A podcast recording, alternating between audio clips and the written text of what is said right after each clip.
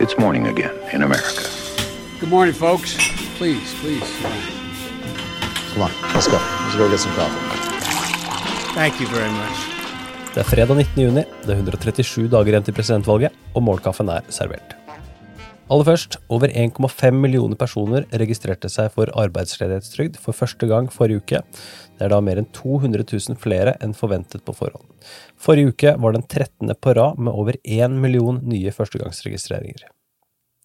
I dag er vi ute med en ny episode av 2020. Den er lang, men vi anbefaler den virkelig.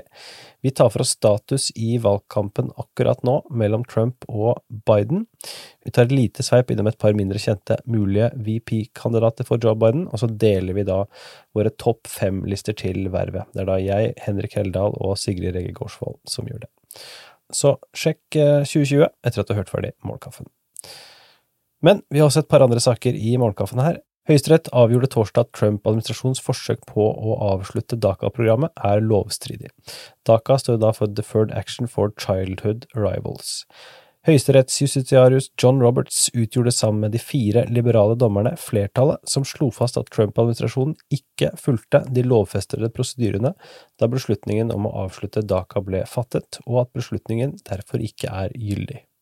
Dagens andre sak Biden leder nasjonalt tettere på delstatsnivå.